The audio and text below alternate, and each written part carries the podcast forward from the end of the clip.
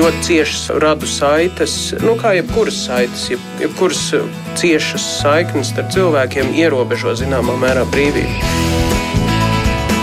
Mēs tiekamies ģimenes studijā.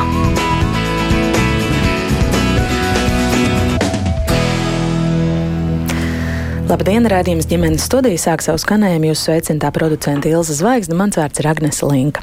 Pēc Pasaules veselības organizācijas datiem neauglība ir globāla veselības problēma, kas visā pasaulē ietekmē tiešām miljoniem cilvēku reproduktīvā vecumā un aptuveni 48 miljoni pāru un 186 miljoni cilvēku individuāli šobrīd saskars ar neauglību. Tā, tā apgalvo Pasaules veselības organizācija Latvijā.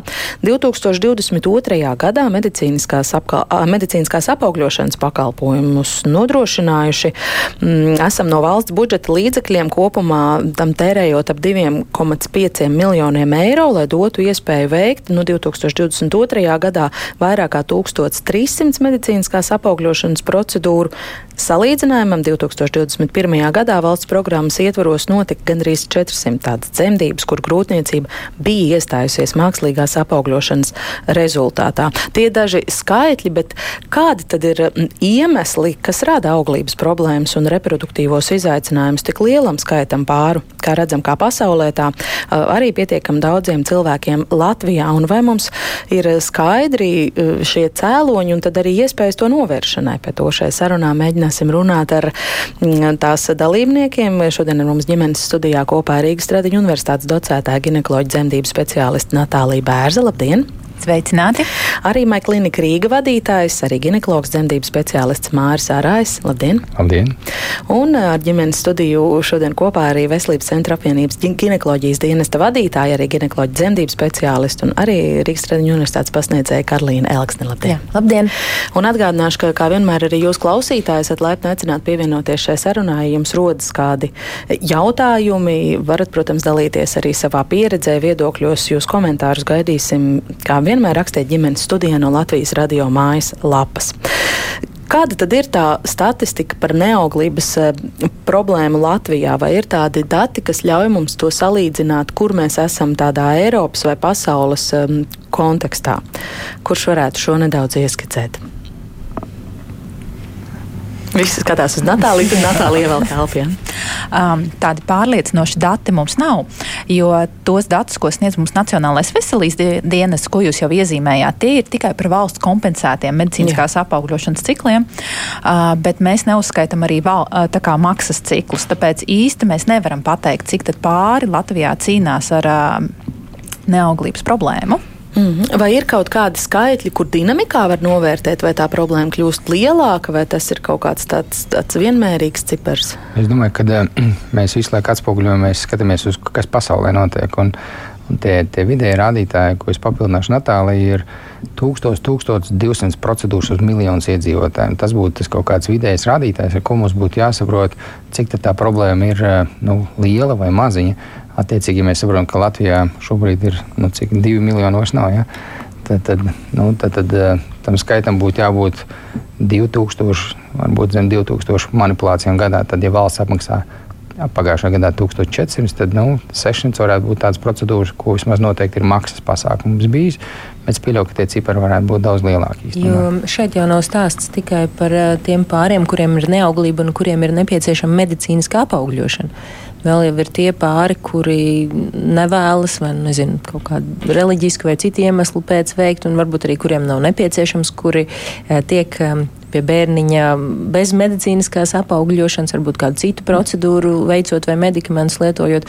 Un tā uzskaita varētu būt diezgan sarežģīta, jo tad būtu katram ginekologam, kas mums ir ambulatori, jāziņo par, par saviem, nu tā, mē, mēs sakam, keisiem, būtu skaisti teikt, gadījumiem, jā, par saviem gadījumiem, un tā jau tas, diemžēl, nenotiek. Nu, pasaulē ir Um, es atceros, kad es sāku mācīties medicīnu tālākajā 2000. kaut kādā 3. 4. gadā, tad bija, ja nemaldos, 10%. Nu, šobrīd es skatījos, ka jau pasaulē tas vidējais skaitlis jau ir ap 15%. Nu, arī, protams, pētījuma dati atšķirās, mm -hmm.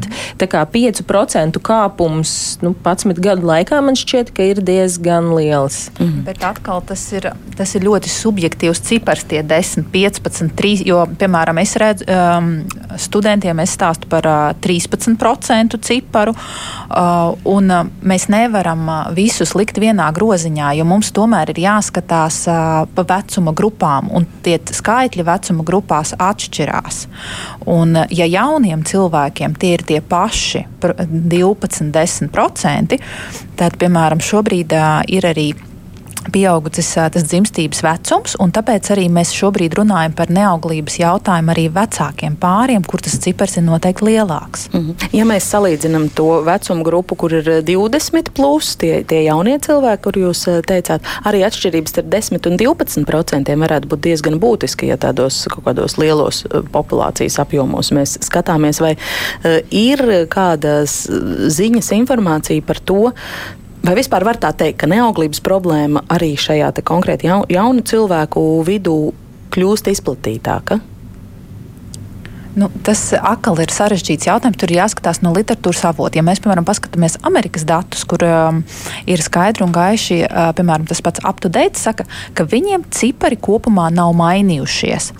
Tādi ir atsevišķi, uh, atsevišķi autori, kuri atkal saka, ka ir mainījušies. Skandināvija, Jā, pie... Skandināvi mm -hmm. regulāri ziņo, ka nu, pie tam dažādi, gan Somija, gan Zviedrija arī, ka pieaug šis neauglības. Īpaši viņi uztraucas tieši par vīriešu neauglības faktoru. -hmm.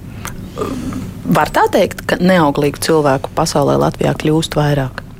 Kā jums šķiet? Es domāju, ka Natālija ļoti smuki ie, ie, ie, ieskicēja to bildi, kad eh, jautājums, kā uz to jautājumu pastāst. Un, ja mēs gribam kaut ko pierādīt, ka tas ir slikti, tad noteikti tam pētniekam arī izdosies to, to pierādīt un otrādi. Bet es domāju, ka ir tādas pasaules tendences, ko mēs visi dzīvojot, redzam, ka pasaule mainās un mēs paši mainamies līdz ar pasauli. Grūtniecības jautājums attālinās. Tātad mēs sekojam līdzi nu, Rietumē, Eiropai, Amerikai, kad tātad, karjera izglītība, finansiālā nodrošināšana, un tad kaut kur vēlāk parādās mūsu vēlmēs, vērtībās, parādās ģimenes plānošana. Un, un, un tas, šī, šī visa stratēģija atspoguļojas arī uz šo auglības jautājumu. Un, un lai kaut ko iegūtu, kaut kas jāzaudē, vai, vai citādāk skatoties, tas viss viens otru ietekmē. Mūsu lēmumu 20 gados ietekmē kaut kādas jautājumas 30 vai 40 gados. Nu. Mm -hmm. Es piekrītu tam, jo ir īstenībā ļoti interesanti ASV pētījuma dati par to, ka sievietes 20 gados uh, ir par 30% auglīgākas, tas ir 20 plus, nekā sievietes 30 gados, un 35 gados vēl uh, palielinās šis neauglības procents. Tas arī ir uh, tas, ko dr. Sarājs iezīmē, jo ja mēs paskatāmies uz Eiropas uh, pirmā bērna dzimšanas vecums sievietēm, viņš aug ar katru gadu. Un šobrīd uh, mēs esam 29 ar kapekām gados, mēs dzemdējam pirmos bērnus Eiropā. Latvijā, ja es nemaldos, varbūt doktora Elksne mani koriģēs, tie bija, manuprāt, 28 gadi. Jā, 27, jā. kaut kā stūpīgi 28. Un man šķiet, kas, ka tad, kas atkal, jā. tad, kad es mācījos medicīnu, bija 25. Tātad tas mm. arī ir 15 gadu laikā jau diezgan strauji pieaudzis. Es arī gribēju teikt, ka tad, kad es sāku vadīt šo raidījumu pirms 11, 11, 12 gadiem, tad arī tas, eh, tas vecums bija man šķiet 26 gadi. Jā.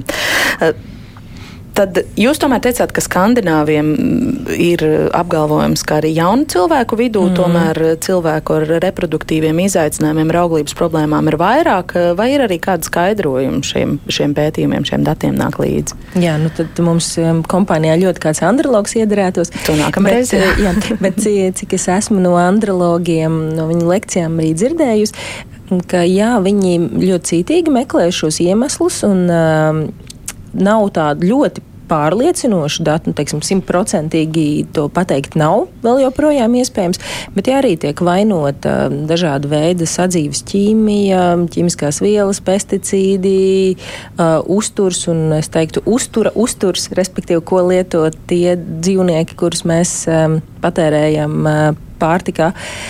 Bet, eh, jā, kā jau Natālija teica, kā, kā uz kuru pētījumu paskatās, un, eh, nu, ja kaut kas būtu ļoti, ļoti viennozīmīgs, es domāju, tad vairāk mm, piestrādātu atbildīgās institūcijas pie šī kaitīgā faktora aizliekšanas.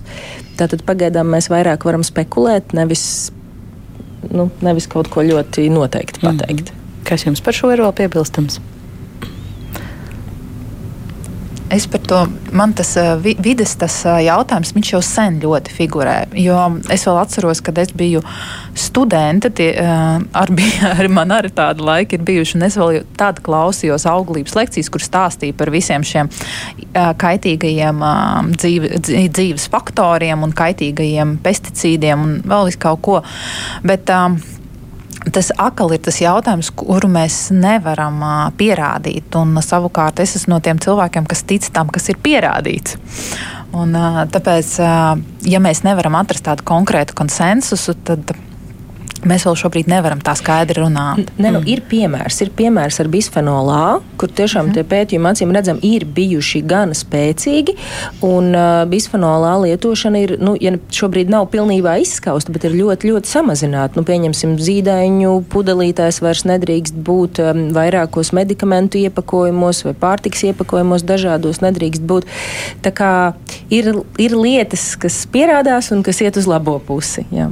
Mm -hmm. Jums, Man tik piebildams tas, ka uh, tiem pacientiem grūtāk to izskaidrot. Viņš saka, ka es dzīvoju kaimiņos, tur ir jūras eh, un ieva, un tajā pašā mājā dzer to pašu ūdeni, ēd to pašu gaļu, un vispār viņiem nav problēma. Ja? Un, un, un tas tas grūtākais, doktor, man liekas, uzdevums izskaidrot, ka tomēr kaut kas tas nav labi un tas nav labi. Un, jo, jo ir tie blakus piemēri, kuriem ir nekas neietekmē, un viņiem viss ir kārtībā ar auglību. Ja? Es domāju, ka tas jautājums ir daudz kompleksāks, un vienam tie faktori neietekmē, otram ietekmē. Tāpēc doktora uzdevums ir tas skaidrošanas. Veicināšanas, veselīga dzīvesveida veicināšanas uzdevums, un tad jau tālākais no paša pacienta ir atkarīgs, cik viņš tam ir motivēts, vai otrādi, ka viņš to neņem teiksim, mm. vai neuztver. Nu, neturēšu sveci zem pūra, kā jau pirms uh, mikrofonus ieslēdzām. Kā jau es uh, jums teicu, jā, ka mēs pirms apmēram mēneša portālā Jauns LV izlasījām rakstu, uh, kas bija publicēts ar nosaukumu Ļaunākie auglības ienaidnieki, un tajā atsaucoties uz kādas um, epidemioloģijas Šannas Svanas, kas rakstā nodēvēt arī par vienu no pasaules vadošajām ekspertēm reproduktīvās veselības jomā.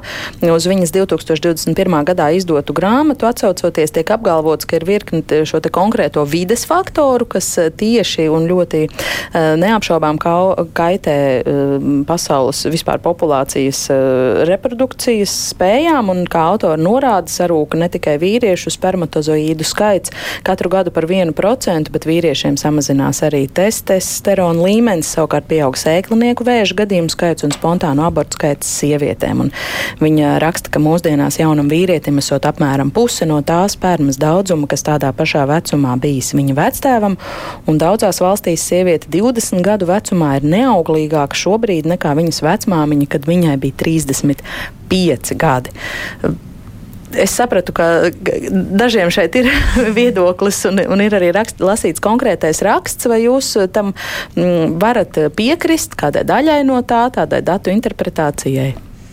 Manā, tad, kad es uh, lasīju šo rakstu, man liekas, ka tā tomēr ir tāda vienpusēja datu atspoguļošana. Tāpēc, ka tur tiek minēts tas uh, 1950. gads, kad tajā brīdī ASV un Kanādā bija vidēji pieci bērni uz ģimenē, un tagad uh, ASV Kanādā ir 1,9 bērnu uz ģimeni. Nu, Šeit es vēlos piebilst to, ka 1960. gadā tika reģistrēta pirmā hormonālā kontracepcija, kas īstenībā palielināja sieviešu emancipāciju. York Times to ir šo gadu ir nodēvējis kā vienu no sieviešu emancipācijas visveicinošākajiem gadiem. Un tajā brīdī uh, samazinājās arī dzimstības rādītāji. Viņi eksponenciāli samazinājās. Un pieauga sieviešu universitāšu beidzēju skaits. Vīriešu skaits nepa, nepalielinājās mainījās. Tas ir tieši tāds pats kā kopš tiem gadiem. Tas ir tieši konkrēti par ASV. Tāpēc tas ir bijis vienpusējs attēlojums tieši šī dzimstības samazināšanās. Mm -hmm. Bērnu skaitam ģimenē jau nav saistība ar, ar auglību. Jā, jā, bet tur tas tika minēts kā viens no tādiem um, pamatojumiem. Mm. Nu jā, bet minētā autora tomēr apgalvo, ka tā situācija ir ļoti, ļoti uh, slikta, ka auglības spējas mainās pārāk strauji, lai tajā vainot tikai ģenētiku. Viņi saka, jā, ka noteikti vainojami daži vai vairāk vidas faktori. Un tad grāmatā arī tiek uzskaitīts, kas konkrēti, ka ir uh, talāti, uh, ķīmiskas vielas, ko izmanto, lai mīkstinātu plastmasu, tātad pie vainas un tālāk tālāk to izmanto arī pārtiks rūpniecībā, iepakojumos, plasmas sēdienu traukos, vēl visur, kur Karlīnas pieminētais bisfenols, kas ir ķīmiska viela atkal, lai padarītu plasmas nevis mīkstāku, bet cietāku, arī mikroplastmasa, kas ir sīki visu veidu plasmasas gabaliņi, kas nonāk apkārtējā vidē, un tur viņi, piemēram, uzsver, ka pierādīts, ka mikroplasmas rada sēklinieku darbības traucējumus zīdītājiem. Vai, teiksim, šādu informāciju lasot, vai mums ir tā kritiski jāuztver, ka tas ir klikšķu vākšanai tāds virsraksts, vai kaut kāda patiesības deva arī tajā ir? Es arī esmu lasījusi šādus pētījumus, īpaši par mikroplastmasu, gatavojoties vienam citam radio raidījumam. Uh, tu, tur ir, tur ir tiešām pētījumi apakšā, par to var lasīt, bet nav vēl tik, tik lieli, tik stingri nostādīti, lai mēs varētu pieņemt kaut kādus tādus grandiozus mērus. Nu, tā, tagad visā pasaulē, visu mi mikroplastmasu. Mm. Bet vēl viena lieta, kas šeit nav pieminēta, vai jūs zinat, kurā brīdī ieviesa vīriešu auglības rādītājs, kad vispār iznāca korekts spermogrammas attēlojums? Tas arī sāksim vispār ar to, jo 70. gados saruna bija tāda, ka vīrieši neauglīgi nav. Un, ja pārim nesot, tas bija reāli ASV raksts, tas bija ļoti smuki demonstrēts pagājušā gada Ešras kongresā, kas ir reproduktologu kongress, tāds liels Eiropas pasākums, kad, ja jums neizdodas tikt pie bērniņa, ir jāmaina sieva. Tas bija kā lekcija par uh, to, kā sākās spe, uh, spermogrammas, jeb uh, vīriešu auglības teiksim, analīzes attēlojums. Un ka realitātē pie tādiem korektiem, normāliem kritērijiem mēs esam tikuši tikai 1999. gadā kas nemaz nav tik, tik sen. sen jā, tas jā. nozīmē, ka vecte, ar vectētiņiem salīdzināties nemaz objektīvi nav Nevar. iespējams. Jā. Jā, tur jau ir tas stāsts. Un vēl viena lieta, kas šobrīd tiek minēta kā Eiropas milzīga problēma, ir laboratorija diskonkordance. Tas nozīmē, ka mēs nevaram salīdzināt laboratoriju datus, jo mums nav īsti rīki korekti, lai mēs varētu spriest, vai laboratorija A, eh, laboratorijas A dati sakrīt ar laboratorijas B datiem. Mm -hmm. Ar ko piebildīsiet? Neko par vidas faktoriem vairs ne. Tikai to, ka tas ir komplicēti kā nu, iepriekš. Vēl šeit, es varbūt piebildīšu, šeit nav minēts, bet uh, esmu lasījusi arī pētījumus par pesticīdiem un par um, lauksaimniecības ķīmiju, kas tiek. Ir, ir, jā, tas bija tas nākamais, pie kā es gribēju ķerties jā, droši. Jā, tas, eh, tas arī ir, eh, ir minēts. Um, tajos iespējamajos faktoros, kas varētu būt uh, potenciālie kaitnieki. Jā, tas, tas tiek pētīts, bet uh, vēl, vēl nav tāda liela konsensusa mm joprojām. Es saprotu, ka es velku jūsu spekulāciju, bet nu, kā jums tīri subjektīvi šķiet, tomēr kā profesionāļiem, kā speciālistiem, vai nevar sagadīties arī tā, ka tie pētījumi, kas notiek pagaidām, pagaidām vēl nav pārliecinoši, vai tur, teiksim, attiecībā uz pesticīdiem, herbicīdiem un tādām lietām, ko arī šī minētā autora piemin savā, savā grāmatā uzsverot, ka tie ir ļoti kaitīgi tieši dažādu hormonālo svārstību radīšanā un tam līdzīgi. Vai nav tā, ka par to kā zināms, arī lielo lauksaimniecības ražotāju lobbyis darbojas pretī šiem pētījumiem. Vai nevar būt tā, ka pēc kādām gadiem, nezinu, desmit gadiem tas mūsu pagaidām, ka mēs pagaidām it kā nezinām, vai, vai tas ir pārliecinoši vai nē, ka mēs atopamies, nu, pie sasistas silas, tā teikt, ar to auglības jautājumu pavisam traģiski var izrādīties nu, vēl pēc kāda laika. Kāpēc gan ne? Bet tās ir atkal spekulācijas, jo tur atkal tiek tajā rakstā pieminēts, ka Indijā krītās dzimstības skaits. Bet es par tieši par to lasīju ārkārtīgi interesantu rakstu The Economist, kas ir diezgan respektabls. Avots, iz, protams, nu, jā. jā. Un viņiem bija stāsts par to, ka viņiem ir tādi štati tajā Indijā, es ceru, ka es pareizi izsakos, bet viņiem ir sadalīts tas ap, apgabals gabalos tā zeme. Un ir tādi štati, kuros uh, dzimstība krītās, bet tur ir stāsts par to, ka tie viņu vadītāji ir ieviesuši korektu kontracepciju, ļoti labus konsultācijas par kontracepciju un padarījuši šo kontracepciju pieejamāku. Savukārt, nabadzīgajās reģionās tā dzimstība ārkārtīgi aug. Eksponenciāli aug. Un, uh, tur viss šis uh, nodrošinājums medicīniskais ir ļoti zems. Mm, nu, kas loģiski, protams, jā. Jā, tā kā. Tāpat šī autora arī pēdējais soli drīz beigsim par viņu, bet viņa pie reproduktīvās veselības apdraudējumiem pieskaita arī uh, hormonālo kontracepciju, kontracepcijas tabletes, uh, precāpju līdzekļu un antidepresantu lietošanu. Šis ir tas trešais valis, uz ko balstās viņas uh, pieņēmumi. Mm, vai jūsu rīcībā ir kāda informācija par to, ka kāda no šiem medikamentiem varētu būt pie nu, par, kontra, vainas? par kontracepciju viennozīmīgi nē. Tur nav tādi pierādījumi vai pētījumi, un tas joprojām ir milzīgs mīts, ar ko es domāju, gan dr. Bērs, gan dr. Sarājs piekritīs. Mēs nu, katrā pieņemšanā varbūt gluži ar to necīnāmies, bet nu, katru mēnesi sastopamies, jā, sastopamies ar, ar to, ka mums ir jāstāsta pacientam, ka nē, šie līdzekļi neizraisa neauglību vai neizraisa vēzi. Nu, kas, kas, nu, kurš nu kuram mīts, mīts, mīts tuvāks? Interesanti par antidepresantiem arī es reiz nesen lasīju vienam rakstam rakstam gatavojoties, kā tas ietekmē. Tur dati bija mazliet pretrunīgāki. Nu, tas nebija tā kā pilnībā, pilnībā izslēgts, bet stāsts bija tikai par jaunu sieviešu populāciju un arī tikai viens pētījums. Un pēc tam parādījās lielāks pētījums, kurš apgāza kaut kādu veidu antidepresantu ietekmi. Bet es vēlreiz, es esmu tikai ginekologs, ja es, es spermogramu lauciņā šobrīd, šobrīd nelietu. Par, par vīrieti es nezinu, bet, bet dati par sievietēm, nu, es neesmu lasījusi, ka kaut kas no nosauktajiem varētu būt um, pie vainas. Mm. Es domāju, ka uh, par tiem antidepresantiem drīzāk tā ir tā spekulācija, ka vecā, vecās paaudzes antidepresanti palielināja prolaktīnu līmeni, kas arī samazina spermatoģenēzi un arī nomāca ovulāciju. Bet uh, par jaunās paaudzes medikamentiem mums nav šādu datu. Par precāpu līdzekļiem es diemžēl nevarēšu izteikties. Mm. Doktor Arā? Papildinot kolēģi teikto, es gribētu teikt, ka Tad, kad mēs skatāmies medikamentu instrukciju, jeb, jeb lietošanas pamācību, tad mēs redzam, kāds medikaments ietekmē grūtniecību, bet kāds ietekmē vīriešu, sievietes auglību, to mēs neredzam. Tur un tādus datus dabūt, tas būs neiespējami tām kompānijām to izpētīt. Līdz to mēs skaidrojam tiem pacientiem ar to, ka tie pacienti, kuri ir lietojuši tos medikamentus, pirms tam jau viņi nav pārbaudījuši šo auglību, kaut vai mēs skatāmies no tāda viedokļa. Par sievietes auglību mēs varam spriest tajā brīdī, kad viņai grūtniecība iestājas. Tad mēs zinām, ok, ar to auglību vismaz no lošanas kvalitātes viedokļa ir sanācis viss. Bet tie, tie pārējie rādītāji ir tik netieši atspoguļojoši to auglību, lai mēs pateiktu, kad arī pirms tam medikamentu lietošanas viņa bija auglīga un viss bija kārtībā, lai mēs varētu spriest, ka arī pēc tam medikamentu lietošanas arī būs joprojām. Un, ja mēs saprotam, ka ir kaut kāds laika periods, kamēr viņi lietojuši to medikamentu, tad arī tas uz vecumu kaut kādā veidā var atspēkoties līdz to.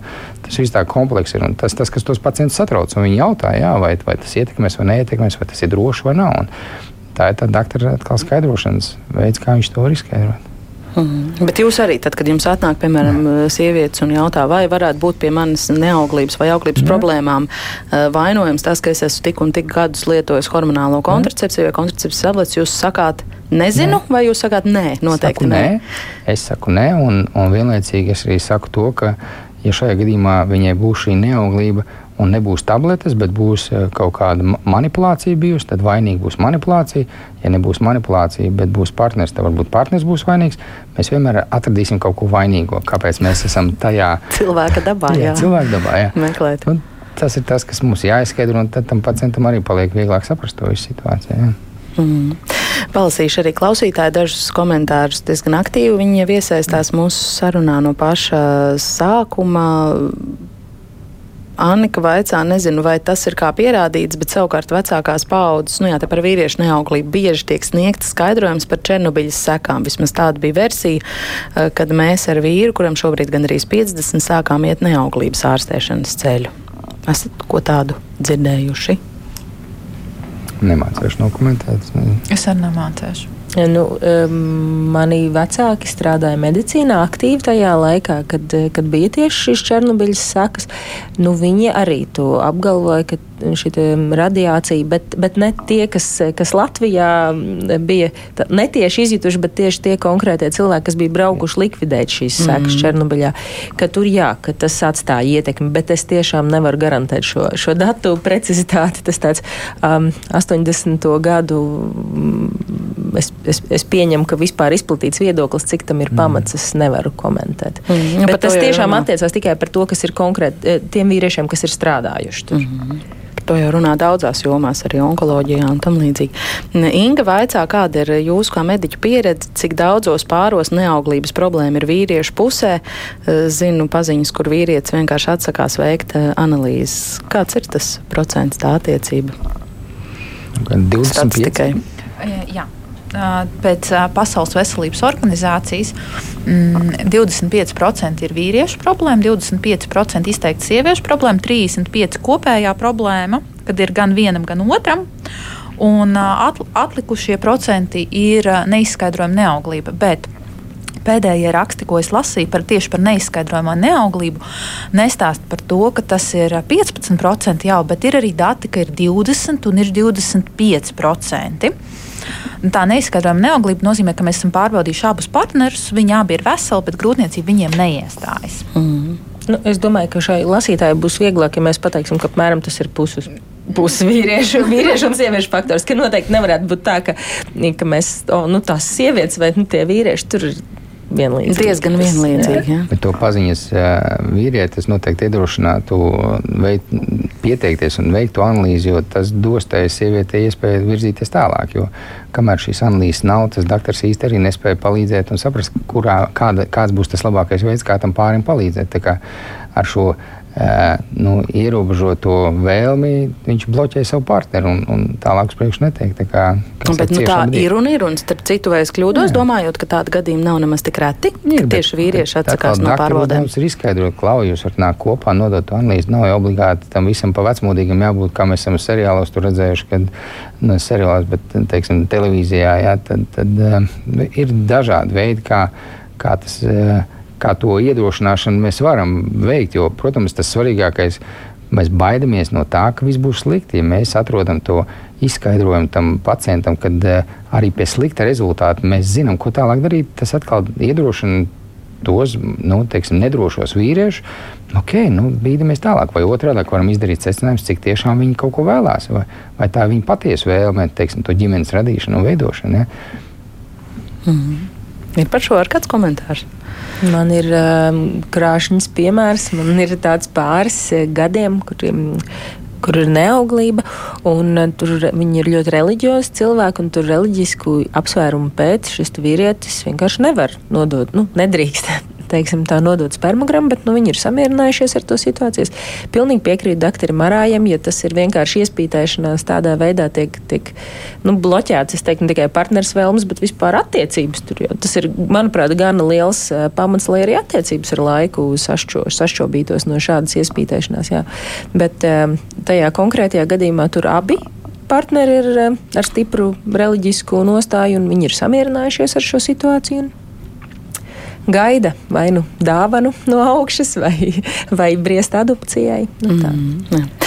Es tikai atgādināšu, ka ģimenes studijā mēs šodien eh, runājam, sākām par to, vai kāda plašāka pētījuma apliecina, ka neauglības problēmas eh, Latvijā un pasaulē pieaug, vai varam cerēt uz kādu cēloņu novēršanu. Un sarunā šodien eh, piedalās ginekologi Natālija Bērza, Māris Arājs un Karolīna Elksne. Varbūt ne ļoti precīzi saistīts ar to sākumā iezīmēto raidījumu tematu, bet tomēr interesants viedoklis, kuram garām ejot varam arī pieskarties. Jānis raksta par kādām dzimstības problēmām problēmām jūs tagad runājat? Lūdzu, paskatieties, cik cilvēku uz pasaules dzīvoja pirms 200 gadiem, cik pirms 100 un cik tagad būsiet pārsteigti, ka tagad ar visām ķīmijām cilvēku jau tāpat uz zemeslodes ir pat bail iedomāties, bail iedomāties, kas uz mūsu planētas Zeme darīsies vēl pēc pārsimts gadiem. Tā es, būs pārapdzīvotība. Es labprāt šo nokomentēšu. Jā. Tikko bišķi uzvilkos. Oh. tas ir tas labi. Tad interesantāk klausītājiem. Tur, tur, tur ir pilnīgi, Jāni, tur ir pilnīgi cits iemesls. Tam nav saistība ar dzimstību, bet ar to, ka mūsu dzīves kvalitāte pieaug, ka mūsu medicīna strādā daudz labāk, ka mūsu farmācija mm. strādā daudz labāk. Ja jūs paskatāties, cik bija vidējais dzīves ilgums, es burtiski pirms diviem vakariem lasīju saviem bērniem priekšā grāmatu par, par vikingiem bērnībā.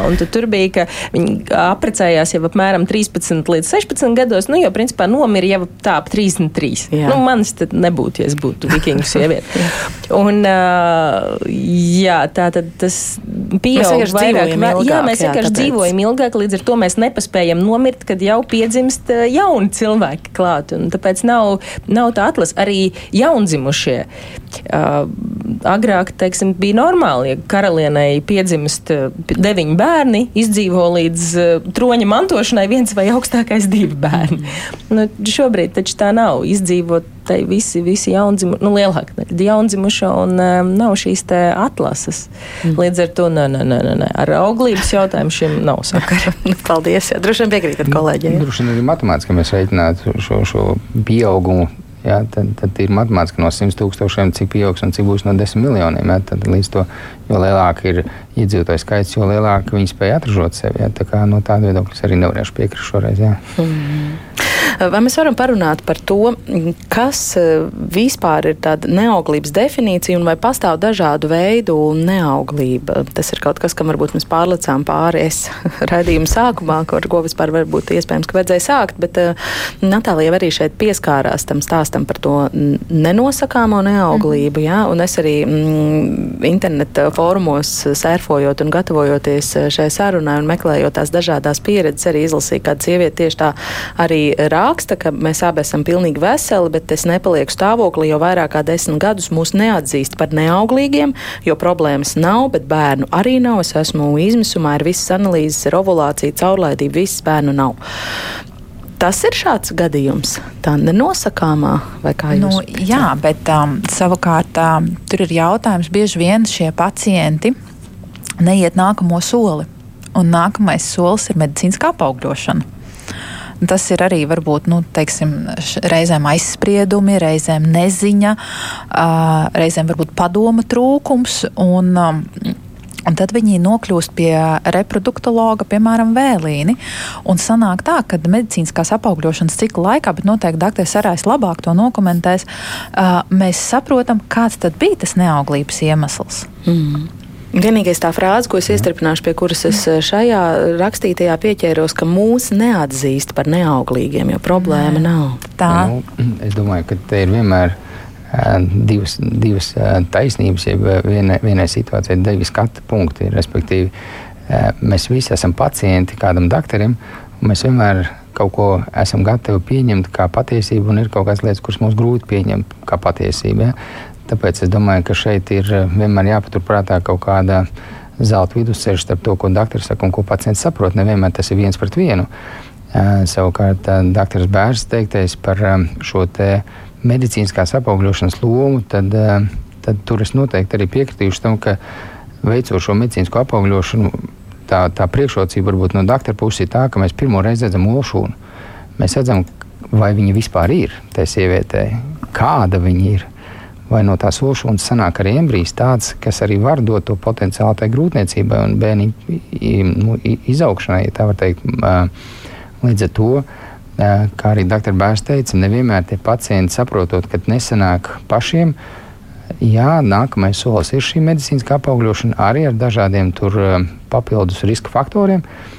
Bet nevienmēr tie pacienti ir gatavi spērt to nākamo soli, jo ļoti bieži mēs šo procedūru veicot arī redzam to, ka šeit nu, ir tas, ko mēs ikdienā neredzam, nevaram pat pārbaudīt, jo olšūnas izmērs ir 0,2 mm. Līdz ar to neviens sonogrāfs, neviens aparāts šodien nevar parādīt tai sievietei, jā, šomēnes būs šī auglīgā olšūna, kas iedos to grūtniecību, vai otrādi - nē, viņas tur nemaz nav. Ir tikai pūslīds, jeb folīkuls, ko doktors brīnišķīgi redz sonogrāfā, bet viņš ir tukšs. Tur tās ošanas nav. Vai viņi ir un viņi ir nenobriedusi, vai viņi ir nobriedusi, bet viņi tur neapaugļosies tālāk. Nu, respektīvi, ar to es gribu atkal iedrošināt tos pacientus, sakot, klau, uzticamies tiem doktoriem, viņi grib labu. Mūsu uzdevums ir palīdzēt jums tik, cik jūs paši gribat. Mm. Līdz ar to, ja šī pacienta ir ar šo desmit gadu neauglību, nu, ja vien vēl vilciens nav aizgājis, es noteikti gribu viņu iedrošināt, lai viņi dodas uz kādu no klīnikām un um, ķerās, vērsim pie ragiem un darbojas tālāk, lai mm. ko mhm. tas arī nozīmētu. Bet tas mūs neatzīst par neauglīgiem. Tas nenozīmē, ka šāds pakalpojums viņiem nebūtu nē, pieejams, nē, piemēram, valsts apmaksātajā programmā. Ir jābūt izmeklētiem, ir jābūt izmeklētiem, un ja šī pacienta saka, ka visi šie izmeklējumi ir veikti, brīnišķīgi doktoriem būs tikai no vienas puses vieglāk, šo pacientu ielikt rindā, un rinda šobrīd ir klausītājiem, lai, lai visi zinātu, rinda ir beigusies. Oh, man arī bija tāds jautājums sagatavots. rinda ir beigusies, tas nozīmē to, ka janvārī reģistrētie pacienti februārī saņem um, uzaicinājumu no Nacionālā veselības dienesta, par ko Nacionālā veselības dienestam žetons un bonus maleči. Tas noteikti atvieglotiem daudziem pacientiem šo ilgo gaidīšanu salīdzinājumam. Pirms diviem gadiem tam pacientam rindā bija jāgaida gads, varbūt pat pusotrs. Ja? Šobrīd tas viss notiek ļoti, ļoti operatīvi, ļoti, ļoti raiti. Ja? Tik cik tas pacients pats ātri ir gatavs darboties un rīkoties, tik ātri viņš pats arī virzās tālāk uz priekšu. Mm. Un cik vai par cipariem eh, ir kaut kas zināms eh, par skaitļiem, cik eh, šogad ir piešķirts valsts finansējums, cik nu, mākslīgās apaugļošanas tas, procedūrām? Kā, jā, tas, kā es saprotu to jautājumu, tad šī ir vienīgā programma Latvijas veselības aprūpē, kurai nav limita. Respektīvi, klīnikām ir klīnikas saņem samaksu par šīm manipulācijām pēc padarītā darba. Respektīvi, nav šis limits 1000 vai 2000 vai, vai 300 vai 700. Jā, līdz ar to šī ir vienīgā procedūra, kurai nav šī rāmīša, kad, kad valsts pateiks, mēs samaksāsim 500 mm un ne vairāk. Agrāk tā bija. Agrāk, bija. Agrāk es atceros, Agrāk bija, jā, jā. ka mēs sākām par to, par to runāt. Tad, tur un bija dažādi cipari. Pakalpojumiem, ko valsts apmaksā, ir šī, šis rāmīts, jeb limits. Tātad katrai slimnīcai, katram profilam ir noteikts limits mēnesī un gada ietvaros, mm -hmm. cik tad viņi to naudu drīkst tērēt. Protams, valsts. protams, jā. Tā, tāda laba ziņa. Ļoti. Es vēl par šo pacientu, ka, manuprāt, nav joprojām mainījusies Pasaules veselības organizācijas neauglības definīcija. Nav, nav, nav vai ne? Nav. Tātad tur viennozīmīgi ir neauglība. Viņai nevajadzētu šaubīties par šo. Jo lai liktu diagnozi neauglību, mums principā nevajag nekādus izmeklējumus. Tā ir klīniska diagnoze, kuru nosaka pacientam, ja brīvi dzīvojot dzimumdzīvi, dzim, grūtniecība neiestājas gada laikā. Ne visiem. Tas ir, tur ir, tur ir jā, jā, nu, tur, ir pa vecum, tur, mm, protams, ir specifika jā, mm -hmm. pa vecuma grupām, bet, ja, ja sieviete ir, ir jauna, tad, tad, tad tas būtu gads, pēc tam ir pusgads vai mazāk. Bet, līdz, 35, līdz 35 gadu vecumam ir gads. Pēc 35 gadu vecuma līdz 40 gadu vecumam ir 6 mēneši. Un 40 gadu vecumā mums ir jāsāk izmeklēšana mazāk kā 6 mēneši. Bet te, tai Pasaules veselības organizācijai vēl ir viena piebilde, uh, dzīvojot dzimumdzīvi divas reizes nedēļā. Tas ir tas piebilde divas reizes nedēļā, un tas laik, laiks. Mm. Bet tad mēs uh, uzstādām nevis uzreiz tādu definētu, tā ir diagnoze neauglība, bet te ir pateikts, ka mums ir jāsāk izmeklēt šis pacients. Jā, tā tad neauglība tur ir jautājums. Tad jau kāds iemesls, kā, kāda veida, bet fakt, pats fakts, ka tur nu, nevar būt tāds uzstādījums, ka mūs neatzīst par neauglību. Nē, te jau klīnika pasaka. Mm. Es papildināšu to, ka neauglība diagnoze nenozīmē automātiski, ka ir jāveic medicīniskā apaugļošana. Man liekas, tas ir viens no galvenajiem eh, šķēršļiem, ko mēs neesam līdz galam spējuši saviem pacientiem izstāstīt, izskaidrot. Jo varbūt tam vienam pacientam ir, ir jāiedod tabletīte, lai izsauktu ovulāciju, un viņiem brīnišķīgi mājās pašiem viss sanāks, un viss būs priecīgi un laimīgi. Ja? Tad, tad nebūs vajadzīgi tūkstošiem tērēt naudu, nebūs vajadzīgs tērēt daudz laika, lai brauktu uz visām vizītēm un izmeklēšanām. Viena nieka tabletīte īstā dienā, un viss notiek. Citai pacientei būs e, e, jāiz, jāuztais operācija, maza operācija, vienas dienas operācija vakarā mājās, un nākamā mēnesī blinkšķi un viss un sanāk trešam pārim arī ar to pašu neauglību, ka viņi gadu ir mēģinājuši, viņiem nesanāk. Varbūt vīram tā vietā, lai viņš to darītu katru dienu, ar sievu mīlētos, viņam varbūt jāuztais ar atturēšanos triju dienu, kur lielāka koncentrācija spermas analīze ir labāka. Varbūt tas ir viņam nu, teiksim, šķērslis, kāpēc viņam tas nesanāca. Tas ir tas ne, auglības ne, nu, teiksim, speciālists, mēs izmantojam vārdu reproduktologa. Ja? Tā, tā, tas uzdevums izprast, izkost, saprast, kas ir tas iemesls, kāpēc nesanāk. Un tikai tad, ja visi tiešām šie izmeklējumi ir izmeklēti un viss ir pārbaudīts un neko tas doktors nav spējis atrast, ok, jā, tā tad viņi ir šie neizskaidrojumi, vai otrādi mēs sapratām, ka uh, ovadi ir slēgti un viņiem tā dabīga grūtniecība arī nekad neiestāsies. Vai vīrietim ir um, spermas kvalitāte tik slikta, ka arī dabīgā versijā tā varbūt ir ļoti, ļoti maziņa, un tad viņi taisnā virzienā dodas uz šo medicīnisko apaugļošanu. Nu? Kura manā izpratnē šodienas skatījumā ir ļoti, ļoti efektīva. Un uh, pacientiem nevajag par to baidīties. Es uh, vēlreiz gribu iedrošināt, tā ir tāda pati manipulācija, kā ejam pie zobārsta, tāpat kā ejam pie ģimenes ārsta, tāpat kā taisam rengenu plaušām un visus citus izmeklējumus taisam, tad mēs ejam vienkārši pie pareizā doktora un prasam viņam padomu, ko man tālāk darīt. Es gribu bērniņu, un, mm. un tad jau atkarīgs no tā, ko tas doktors teiks. Mm. Man tik patīk cipari. Man gribās atkal jautāt par, par skaitļiem, laikam, pareizi jāsaka. Cik apmēram mm, ir, cik ir tas procents cilvēku, kam ir diagnosticēta neauglība, tātad uzstādīta šī diagnoze, cik no tiem pēc tam aizvirzās uz mākslīgu apaugļošanu? Tur, uh, nu es jau laikam esmu tas cipars. Jā, jā, jā, es tāpēc uz jums arī raudzījos. Īstenībā tie dati pēc pasaules datiem ir tā, ka tā aptuveni puse tikai saņem korektu neauglības ārstēšanu no tiem, kam ir, uz, kam ir uh, uzstādīta neauglības diagnoze.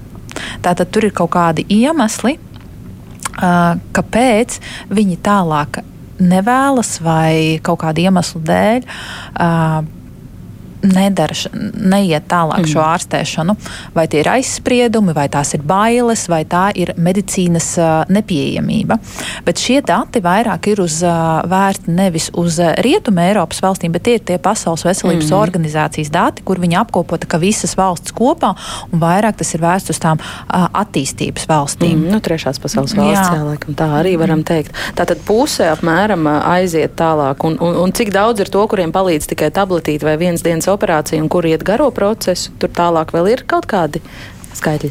Nu, tur ir jāskatās atkal no saslimšanas. Piemēram, ja mums ir paciente ar piemēram, policistiskām molnīcām, jeb ar ovulācijas problēmām, nu, nenotiek tā ulšana, neizdalās viņai, vai tā ovulācija notiek viņai reizi trijos mēnešos, vai reizi gadā, vai divreiz gadā, tad uh, vi, uh, tiek uzskatīts, ka desmit, no desmit šādām pacientēm deviņām, ja nav citu neauglības faktoru, mēs varam palīdzēt tikai ar tā saucamajām, kā doktors teica, tabletītēm. Doktors, mm -hmm. Bet tur ir savas piepildes, tur ir jāņem vērā vecums un vēl vis kaut kādas cita, citas Svārs, lietas, svārs un, un, un tā. Mēs nevaram tā visu sakalu likt vienā, vienā grāvī. Un, um, un tai vienai, tā kā, ja mēs izpildam visus kritērijus, būs nepieciešama tāpatās medicīniskā apaugļošana. Ja, nu, Policijas skolnīcas sindroms, es teiktu, tāds varbūt labāks piemērs Jā. no tā viedokļa, Jā. lai iedvesmotu, ka nevienmēr medicīniskā apaugļošana ievērošana tiešām ir nepieciešama. Jo, jo policijas skolnīcas sindromam tiešām tas, ko mēs nodēvējam kolektīvi par tabletīti, kas ir volšana stimulācija, tad, tad Jā. tiešām ļoti bieži ir efektīva. Un, un turpat bieži mēs iztiekam bez speciālām klīn, nu, bez reproduktologa. Mm -hmm. To arī ambulatorijā ārsti bieži uzņemas un, un, un veids. Un, Jo ar, ar reproduktīvām klinikām varbūt bieži ir mīts, ka tas ir ļoti dārgi. Nu, daudzi pacienti tā, tā varētu domāt, un arī varētu apšaubīt. Man šķiet, galvenais ir motivācija. Mm. Bet, um, Bet jā, ar policijas skolnīcas sindromu tas tiešām tāds veiksmīgs piemērs, ka nevienmēr medicīniskā pagļošana ir, ir nepieciešama. Nu, es teiktu, ka grūtāk ir, kur ir šis vīrišķais faktors, kur ir spermas problēmas. Uh, tur procentuāli noteikti vairāk ir, ir medicīniskās apaugļošanas uh, risinājums vajadzīgs. Mm. Bet ir arī tādas, piemēram, spermograms, kuras mēs varam uzlabot ar dzīvesveidu korekcijām. Un šeit mums ir tas uh, cilvēka motivācija, kā jau mm. dr. Elksne teica. Bet ir atkal tāds, kā piemēram dr. Sārājs minēja, kuras nu, mēs nevarēsim uzlabot, uh, un mums tiešām būs jāvēršās uh, pie medicīniskās apaugļošanas. Mm. Par to mītu, ka tas ir ļoti dārgi, mums arī klausītāji taču dusmīgi raksta, ka mēs kā raidījums reklamējam biznesu. Nē, piedodiet, mīļie, tā tas šodien nav ticis iecerēts. Negribam runāt par naudas izspiešanu no nabaga nelaimīgiem cilvēkiem cilvēkiem. Bet, um, Par to dzīvesveidu, kādas dzīvesveida izmaiņas jūs um, rekomendējat, iesakāt saviem pacientiem, kad viņi atnāk ar auglības problēmu pie jums? Nu, Kas ir tās pamatlietas? Numur viens, Jā. protams, gan sievišķo faktoru tas ietekmē, gan vīrišķo faktoru. Pilnīgi noteikti. Tas, tas gan ir viennozīmīgi pētījumi diezgan skaidri pasaka, ka, ka smēķēšana samazina auglību. Mm -hmm. Es domāju, ka tas tāds komplekts ir un, un te atkal jāsaka, ka ne, tas ir liels izaicinājums doktoriem. Jo mums atkal, kā pacientiem, patīk dzirdēt, kad doktoris eh, saka labas lietas par mums. Ja? Kāda mums ir nabadzīga un kā mums kaut kas nesanāk, bet eh, tās sliktās tēmas neceļ gaismā. Kā, ja, tad nerunā par šo smēķēšanu, nerunā par alkoholu, nerunā par lieko svaru, nerunā par tiem nu, mūsu ieradumiem, kuriem ir ļoti liels spēks. Um, un ir ļoti grūti viņus mainīt, jo mums, mēs esam pieraduši. Mums ir ļoti viegli darīt tā, kā mēs darām jau 5 un 10 gadus.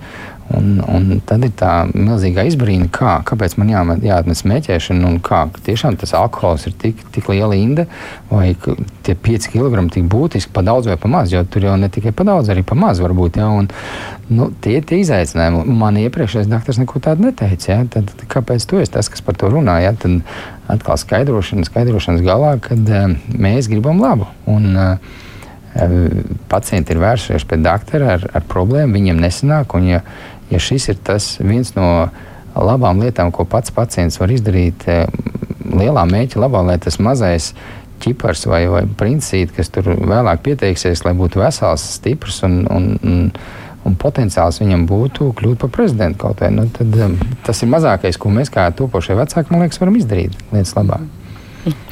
Es droši vien nedaudz stereotipizēšu vai runāšu klišejās, varbūt, bet mūsdienās arī stress tiek pieskaitīts laikam pie, pie daudzu veselības problēmu cēloņiem un kā, kā ar to ir reproduktīvās veselības kontekstā. Nu, teiksim, manu draugu paziņu lokā arī pāris tādi reproduktīvie izaicinājumi pāriem ir bijuši. Tā, tas klasiskais stāsts, ka vienmēr ārsts iesaka sievietei aizēj no darba, pamaini attieksmi, padzīvo kaut kā pilnīgi citādāk un, un galvenais mazāk stresa tavā dzīvē.